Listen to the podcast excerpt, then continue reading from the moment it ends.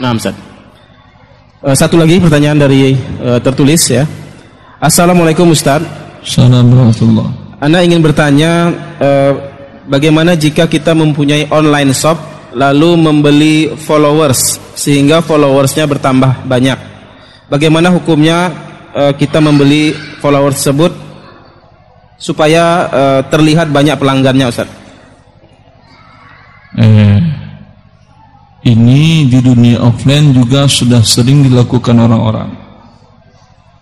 Ah, dia bilang harus barang murah, barang murah, barang murah. Ini siapa yang beli? Saya bang, satu juta. Bang, saya bang satu juta dua ratus. Bang, saya satu lima ratus. Semuanya teman-teman dia. Iya atau tidak? Ya. Ini di offline. Sekarang pindah mereka ke online dengan cara menjual para follower-followers tadi. Dia beli dari orang per kepala, jual beli orang boleh. Ini melanggar HAM dunia kan ya. Ini akadnya bisa diadukan ke PBB ini. Jual beli orang, followers dan dijual belikannya. Kalau maksudnya suaranya atau komennya ini orang komen atau suara orang untuk sebuah produk tapi dipindahkan ke produk yang lain. Berbohong atau tidak masuk dari najas dan Rasulullah SAW telah mengharamkan najas wala tanajashu. Janganlah seorang kalian menawar barang dengan harga lebih tinggi padahal dia tidak ingin membelinya. Hanya kelihatan banyak orang yang belanja banyak orang yang beli. Ini bagian daripada kebohongan. Nah Ustaz. Baik silakan. Bismillahirrahmanirrahim. Assalamualaikum warahmatullahi wabarakatuh. Assalamualaikum Ini ada pertanyaan untuk dua kasus Ustaz pertama kasusnya berkaitan dengan e, kita sebagai karyawan swasta atau yang mungkin yang negeri yang lain. Gaji kita per bulan e, suka ditransfer ke rekening bank konvensional. Suka ditransfer eh, atau bukan, memang? bukan di, di, ditransfer maksudnya. Ya. dipastikan ditransfer. Kemudian kasus yang kedua e, ini kasus yang dari saudara saya. Dia melakukan jual beli online eh, kepada si konsumen disediakan bank syariah untuk transfernya. Tapi karena terjadi permasalahan untuk transfer, makanya dia dia lari ke eh, rekening bank yang konvensional itu. Jadi kondisinya rekening bank konvensional untuk transfer gaji, Ustadz sama eh, transfer penjualan online, kita udah minta ke pihak bank untuk dihapuskan eh, bunganya dan pihak bank memang menyetujui. Jadi bunga dari dari uang masuk dari gaji maupun dari online tidak dimunculkan, dihapuskan.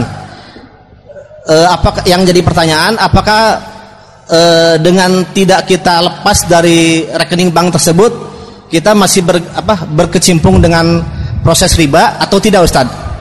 Yang jelas uang Anda digunakannya untuk kredit riba kepada nasabah yang butuh kredit. Apakah tanpa uang Anda ini mereka tidak bisa melakukan kredit riba. Tapi karena ada uang Anda mereka lakukan kredit riba. Maka ini hanya boleh dalam keadaan darurat. Ketika pihak perusahaan Anda mengatakan gaji hanya akan ditransfer ke rekening bank ribawi. Anda sudah tawar ke bank syariah dia tidak mau. Ya. Ya, dalam kondisi ini boleh Anda buka dan memang harus dibuka di yang bank ribawi tadi dan Betul. minta nolkan bunga ribanya. Ya, dihilangkan. Adapun bisnis online, apakah darurat Anda harus pakai bank bank ribawi?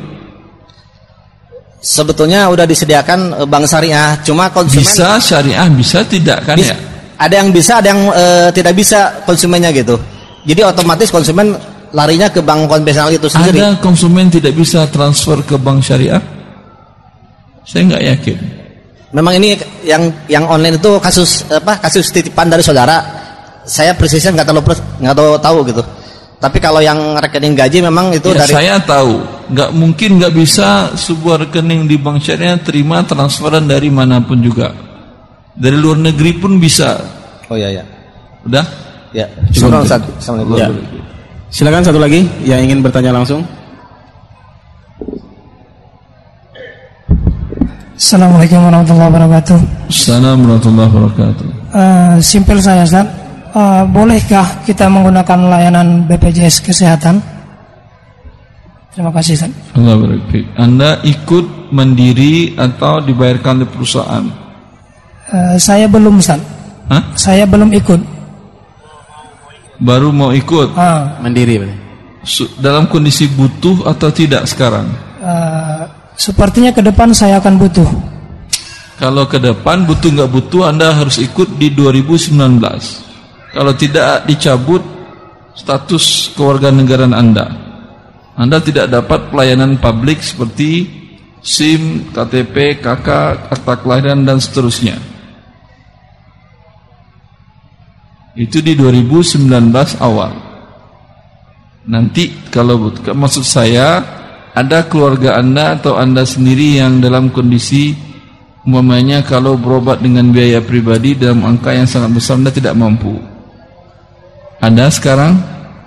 Kalau seperti itu boleh, Ustaz? Sekarang ada atau tidak? Belum, belum ada. Ya udah. Berarti tidak ada kebutuhan darurat.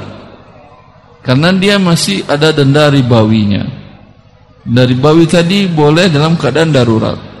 Atau dipaksakan oleh negara itu makanya nanti 2019. Uh, satu lagi, Ustaz. Saya pernah melihat instansi sunnah yang menggunakan fasilitas Apa? kesehatan. Instansi sekolah sunnah. Instansi sekolah su- Ya. yayasan sekolah sunnah. Ya, Nah, terus yang menggunakan fasilitas tersebut. Itu bagaimana, Ustaz? menggunakan fasilitas BPJS Kesehatan untuk BPJS. karyawannya. Kalau lembaga aturan negara sebuah lembaga atau pribadi yang mempekerjakan orang lebih dari lima kalau saya tidak salah itu wajib mengikut sertakan karyawannya ke dalam BPJS kesehatan dan ketenagakerjaan ini aturannya sudah berjalan di 2017 kalau tidak mereka lakukan dicabut surat izin usaha atau berizin operasi sekolah dan yayasannya paham? Paham, Ustaz? Kalau mereka berarti sudah darurat. Jangan suuzon Anda. Pahami aturan yang ada, baru Anda, wah ini yang sunnah aja udah bikin riba. Masa kita nggak ikut riba juga? Apakah ka- andai pun dia bikin riba, apakah juga dalil untuk Anda halal berbuat riba? Kullum ri'in bima kasabarohin. Andai semua orang di dunia bikin riba, ya kita tidak ada dalil di depan Allah dengan begitu kita akan diampuni oleh Allah atau kan enak barang-barang di neraka kata siapa yang enak di neraka ya akhi walaupun mau barang-barang jelas Oke, terima kasih. Baik, terima kasih. Allah barik Ya, ini ada pertanyaan dari adik kita sepertinya di sini. Ustadz, Ana sekarang kelas 3 SMA. ya. Yang Ana tanyakan masalah dalam berpakaian. Pakaian sekolah Ana sudah cingkrang dan Ana memelihara jenggot. Tetapi di peraturan sekolah tidak membolehkan. Dan guru di sekolah Ana banyak yang komplain dengan penampilan Ana. Yang Ana tanyakan, apakah Ana harus taat pada aturan sekolah Ustadz? Syukron. sekolah swasta atau negeri ya Tidak disebut setahu saya tidak ada aturan sekolah negeri yang seperti itu Negeri? kalaupun ada itu ah? Negeri Ustadz. itu kewajiban itu kebijakan sekolahnya saja anda adukan sekolahnya ke yang lebih tinggi ke Diknas atau Diknasnya sekalian adukan ke HAM Akhi jangankan anda anak sekolah saya pernah sering menceritakan ada salah seorang ikhwan dia kerja di ring 2 ring 2 itu di rungga rumah tangga wakil presiden dia salah satu kepala divisi di rumah tangga wakil presiden dia dengan penyangkilan cingkran dan berjenggot panjang. Ketika suatu hari dia berkata, Ustaz, saya pernah dipanggil oleh atasan saya. Karena saya bilang, kamu di ring 2 penampilan begini nggak pernah dipertanyakan. Pernah Ustaz. Ketika itu saya dipanggil oleh atasan di Rungga Wa- Wapres. Saya bekerja di Wapres. Dipertanyakan kamu di ring dua tapi penampilan kok begini.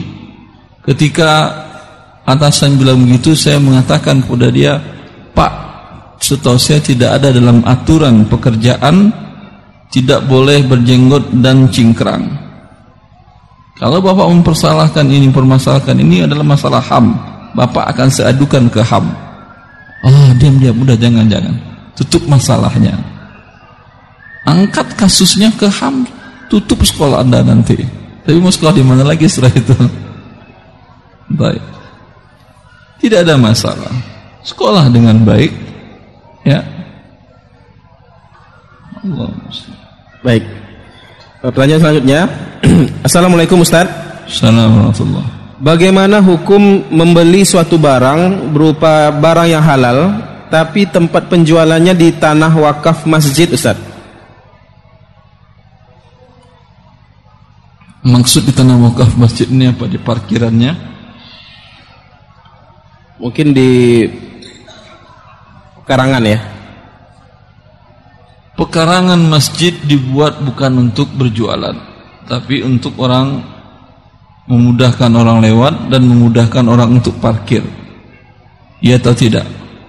Bila ada yang berjualan di sana, saya membaca salah satu buku karang ulama madhab Hanafi, Burhanuddin Al-Hanafi pada beliau wafat pada tahun 635 Hijriah sudah 800 tahun yang lalu kurang lebih dalam bukunya Al-Muhyitul Burhani buku fikir dan madhab syafi'i di sana beliau menjelaskan ada perbedaan ulama madhab Hanafi tentang berjualan dan membeli dari orang yang berjualan di jalan sebagian pendapat madhab kami ulama madhab kami, syekh kami boleh dengan syarat jalannya lebar.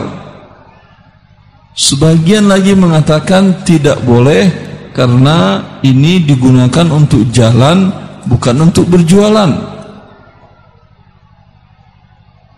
Maka kata beliau pendapat yang rojih yang sahih dalam madhab wallahu taala alam adalah haram sampai pun jangan berjualan membeli pun haram bagi orang berjualan di jalan tersebut karena dengan pembelinya kita dari dia akan mengakibatkan dia berjualan di jalanan dan terganggu orang lewat di jalanan dan jalanan bukan dibuat untuk berjualan untuk lewat pejalan kaki dan pengendara ya apalagi dalam kondisi sekarang bila orang berjalan di pinggir jalan bahkan di trotoar akan menyempit jalan dan bisa mengakibatkan hilangnya nyawa dan roh. Saya pikir kalau Imam Al-Burhani ini hidup sekarang pasti tidak ada khilaf lagi menurut dia. Karena kondisinya sudah mengatakan demikian. Ya, maka Anda pun yang membeli tolong menolong ta'awun dalam maksiat ini. Karena kalau tidak Anda beli dia tidak akan jualan di situ dia. Allah taala Baik. Ini satu pertanyaan cukup unik Ustaz. E, sepertinya butuh penjelasan dari Ustaz ya. Assalamualaikum Ustaz. Assalamualaikum. Azan sudah berkumandang. Kita masih tetap diskusi. Apa itu juga termasuk korupsi waktu? E, ini bagaimana Ustaz? Apakah kita mendahulukan yang sunnah daripada yang wajib? Baik. Azan sudah berkumandang. Apakah kita korupsi waktu? Saya tanyakan, apakah ada ketentuan waktu setelah azan langsung ikomat? Ada ketentuan sunnah seperti itu? Sehingga kita korupsi? Atau ada kesepakatan dengan tempat anda bekerja atau dengan imam? Rasulullah SAW para sahabatnya menunggu beliau untuk surat isya sampai tertidur terkantuk-kantuk dalam permasalahan apakah tidur yang dalam keadaan duduk membatalkan sholat, membatalkan wudhu atau tidak. Itu mereka menunggu Rasulullah SAW keluar untuk sholat isya. Ini belum ada yang tergantung Ada? Kalau ada sholat kita lagi. Ya, dan ini adalah hak imam, bukan hak anda, bukan hak muadzin. untuk main komat saja. Imam mana? Dadat. Ah, beliau mengizinkan atau tidak ini? Izin. Izin ya udah alhamdulillah. Tidak korupsi kita ya, akhi. ini atas izin imam. Alhamdulillah saya. Fiik. Silakan kita akan lanjutkan ini sampai jam 8 ya. Jadi kita sudah sebenarnya sudah eh, dibicarakan tadi dengan manajemen masjid. Kita akan sampai jam 8 lagi. Silakan. Assalamualaikum warahmatullahi wabarakatuh. Waalaikumsalam warahmatullahi wabarakatuh. Eh, Ustadz ada dua pertanyaan. Yang pertama adalah bagaimana hukum sewa menyewa kebun? Misalnya ada kebun satu hektar, per hektarnya dalam satu tahun disewakan 5 juta. Kemudian deal dalam lima tahun 25 juta. Nah di dalam ah, itu yang pertama. Kemudian yang kedua pertanyaannya adalah dalam kontrak tersebut selama lima tahun tidak boleh dijual ke orang lain atau diperjualbelikan.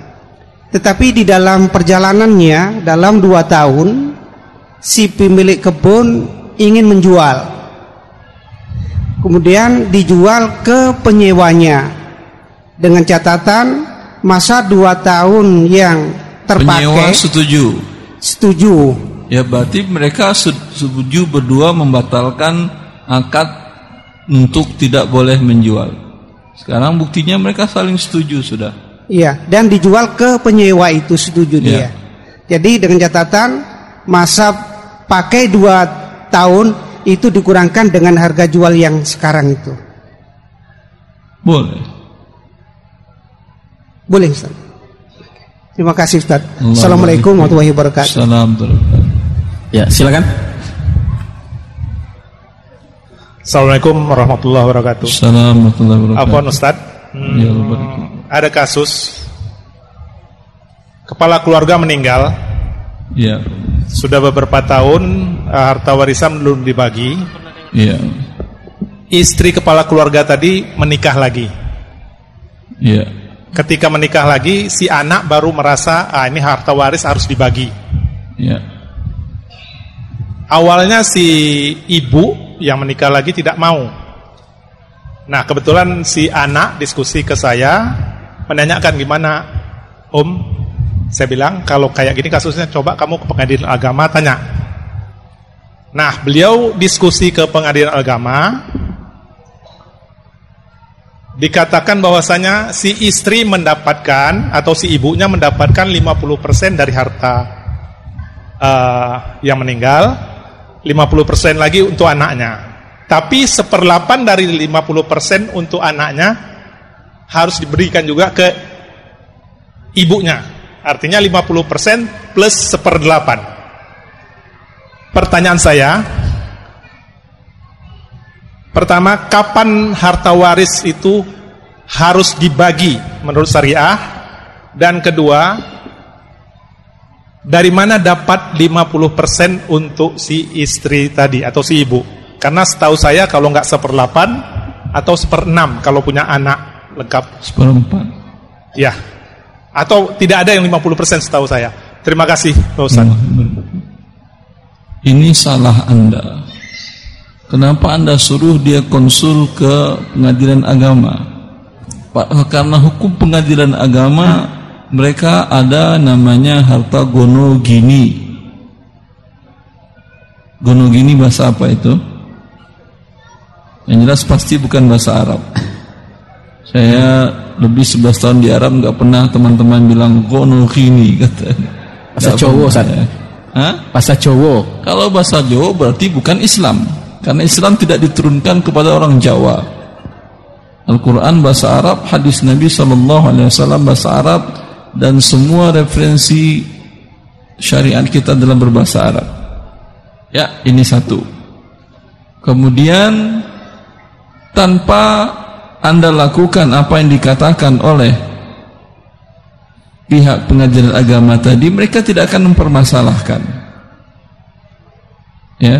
Sekarang anda katakan kepada anak itu tidak ada hak gono gini tadi. Yang jelas yang mana harta bapak anda dahulu itu yang dibagi. Bila dalam harta itu ada saham ibu anda itu tidak dibagi. Bukan gono gini. Kalau gono gini 50-50 padahal si istri mungkin ada saham di harta suami tadi beli tanah mungkin ada 90% sahamnya dia. Menjadi 50 kan rugi dia. Atau si istri tidak ada saham sama sekali lalu dapat 50 ini si anak yang dirugikan. Yang jelas setiap harta tadi dipisahkan dulu ada atau tidak saham istri di sana istri ikut membayar cicilan atau ikut menyumbang menyerahkan uangnya. Bagian dari keikutsertaannya dalam kepemilikan. Syarikat amlak kalau tidak dibagi seperti ketentuan Allah. Itu istri mendapat seperdelapan. Kemudian anak-anak mendapat tujuh per delapan. Kalau bapak dan ibu dari si suami tadi sudah meninggal. Jelas oh, Pak? Terima kasih Pak. Kebetulan uh, udah selesai dan si ibu belakangan mau tanpa ke pengadilan agama. Alhamdulillah. Terima kasih. Ya, Pertanyaan saya pert yang pertama belum terjawab Pak Ustadz. Yang mana itu?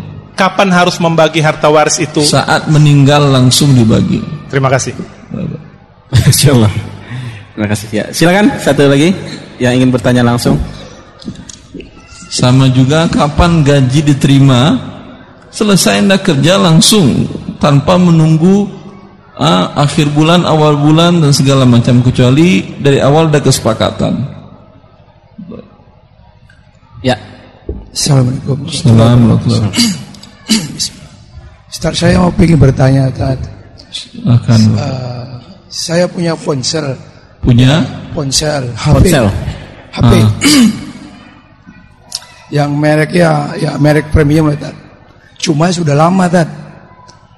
Ah, jadi kebetulan HP saya itu rusak LCD-nya.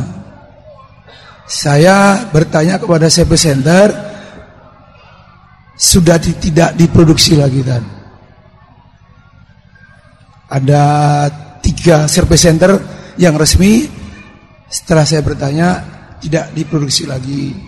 Kebetulan saya masih pengen memakai HP tersebut atau ponsel tersebut, saya berusaha mencari di uh, online Ustaz. Jadi saya membelinya LCD tersebut dan saya pasang sendiri. Terus pertanyaan saya Ustaz, apakah memang ya HP tersebut, HP tersebut masih bisa saya pakai dalam arti masih halal bagi saya tadi? Anda bertanya kenapa? Karena spare partnya ada yang Anda beli melalui online gitu. Iya, tapi Lalu, bukan bukan bukan original Ustaz. Ah, tahu. KW. Yang bukan original. KW. KW. Ah. Tapi mereknya tidak ada Ustaz. Mereknya beda. Tidak, tidak ada. Sama sekali tidak ada. Hah? Mereknya sama sekali tidak ada Ustaz. Tidak pakai merek berarti. Tidak pakai merek. Tidak pakai merek nggak ada masalah. Cuman dia kompatibel dengan HP saya Ustaz. Iya, apa salahnya di kompatibel? Satu lagi Ustaz. Allah uh, saya yang KW itu dia mencuri branding mereknya. Satu lagi Ustaz. Ya. Uh, saya kebetulan punya mobil Ustaz. Masya Allah. Remote kontrolnya casingnya rusak Ustaz. Apa? Remote kontrolnya casingnya rusak Ustaz. Casingnya Casing rusak. Casingnya rusak. Ya. Casingnya ah. rusak. Jadi saya mencari ke dealer tidak diperjualbelikan, tidak diproduksi. Ah Kebetulan di online ada Ustaz. Ah. Saya beli Ustaz. Bagaimana haram atau halal juga atau kawin Ustaz? Kawin Ustaz. Alhamdulillah enggak ada masalah. Tidak ada masalah. Ustaz. Kalau tidak ada merek yang sama tadi. Satu lagi Ustaz. Suka beli online berarti Pak ya? Masya Allah. Sekarang laptop. Bukan. Bukan. Terus. Satu lagi Ustaz. Saya kebetulan dari usia muda ya, saya seorang pengusaha Ustaz. Masya Allah, ah, tapi sebelum saya hijrah Ustaz, saya ataupun modal saya bercampur baur dengan dana riba Ustaz. Ya. Pinjaman riba atau pinjaman deposit riba? riba? Pinjaman riba Ustaz. Anda pinjam dengan cara riba. Iya Ustaz. Sudah lunas utang ribanya? Sudah, sudah lunas Ustaz. Oh sudah lunas terus pertanyaannya? Pertanyaannya Ustaz, harta saya sekarang bercampur haram sama halal Ustaz. Tidak Gimana? ada yang haram dalam hartanya karena Anda membayar bunga riba. Yang harus bertobat dikeluarkan uang itu kalau Anda dapat uang riba. Seperti Anda deposito riba dapat bunga, kalau bertobat ini ia uangnya diberikan ke fakir miskin. Tapi kalau Anda yang bayar bunga riba karena pinjam permodalan dari bank riba tadi, ya ketika Anda bertobat uangnya halal kecuali mazhabnya Syafi'i. Kalau Syafi'i ya tidak halal. Itu mazhabnya Syafi'i atau bukan? Karena Imam Nawawi mengatakan bila dalam akad qad pinjam minjam ada persyaratan riba maka akad pinjamannya batal. Jumhur mengatakan tidak. Akad pinjaman sah yang batal hanyalah persyaratan ribanya. Ikut pendapat saya biar aman jumhur ulama mengatakan halal uangnya yang haram adalah persyaratan riba. Kalau sudah selesai ribanya berarti uangnya halal. Terima kasih Ustaz. Oke. Okay. Baik, ini satu pertanyaan tertulis kita tanyakan lagi, jawab lagi ya. Uh, Ustadz, bagaimana sikap dan adab ketika bertamu ke rumah pelaku riba, Ustadz? Bolehkah kita tidak memakan hidangannya? Atau sebaiknya dimakan? Bertamu kepada tempat ribawi atau orang yang pelaku riba adab dan kewajiban Anda memberikan dia pengetahuan bahwa Allah telah mengharamkan riba. Saya alhamdulillah ketika pulang di tahun 2012 beberapa ikhwan yang bekerja di bank riba di Jakarta minta kajian zuhur saya berikan kajian kajian bulanan kajian bulan pertama mulai goyang mereka bulan kedua sudah gemetar bulan ketiga resign 23 orang dari kantor cabang riba tersebut. Bulan keempat pihak RD-nya bilang tutup kajian ustadz yang itu. Nanti tutup bank kita jadinya. Ini kewajiban kita sebagai muslim beritahu muslim yang lain. Karena kemungkinan dia tidak tahu. Karena dia lihat dahulu ini adalah pekerjaan profesi yang memiliki prospek yang cerah masa depan yang aman tapi ternyata masa depan yang paling menakutkan karena tantangannya adalah api neraka Allah wa man 'ada fa ashabun nar hum fiha khalidun siapa yang kembali berbuat riba maka mereka adalah penduduk neraka. Yang lebih parah dari itu adalah dengan perbuatannya ini dia berarti perang melawan Allah. Fa illam taf'alu fa'dhanu biharbin minallahi wa rasulih. Bila kalian tidak bertaubat berarti kalian menyatakan perang melawan Allah dan Rasulnya. Yang anda lawan ini ya akhi yang kita baca dalam ayat kursi wasi'a kursiyuhus samawati wal ard bahwa kursi Allah itu lebih besar daripada langit dan bumi kursi di dalam bahasa Arab bukan ini. Kalau ini namanya singgasana arsh. Kursi tempat kaki. Ketika Rasulullah menjelaskan bahwa besarnya kursi menjelaskan menafsirkan wasiat kursi samawati wal ard kursi tempat kaki raja-raja ya kursi milik Allah itu dibandingkan dengan alam semesta langit dan bumi yang ada ini langit dan bumi bagaikan satu lingkaran dari rantai dibuang di tengah padang yang luas. Skala kecil sekali. Dan perbandingan kursi dengan arsh Allah lebih besar dari itu. Lalu anda yang mau perang itu pakai senjata apa melawan Allah yang maha besar itu? Nuklir yang ada di bumi ini semuanya dimiliki manusia tidak akan membuat bumi ini bergoyang gempa tidak. Ya, padahal bumi tadi bagaikan satu lingkaran gelang dilemparkan di tengah padang.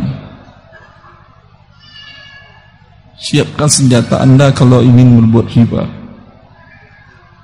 Ya, maka ini bagian nasihat kepada teman-teman tadi.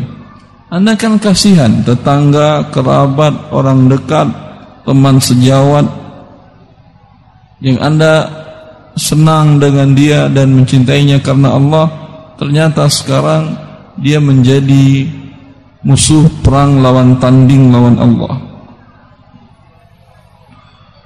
Allah. Bagaimana dengan makanan tadi? Hmm.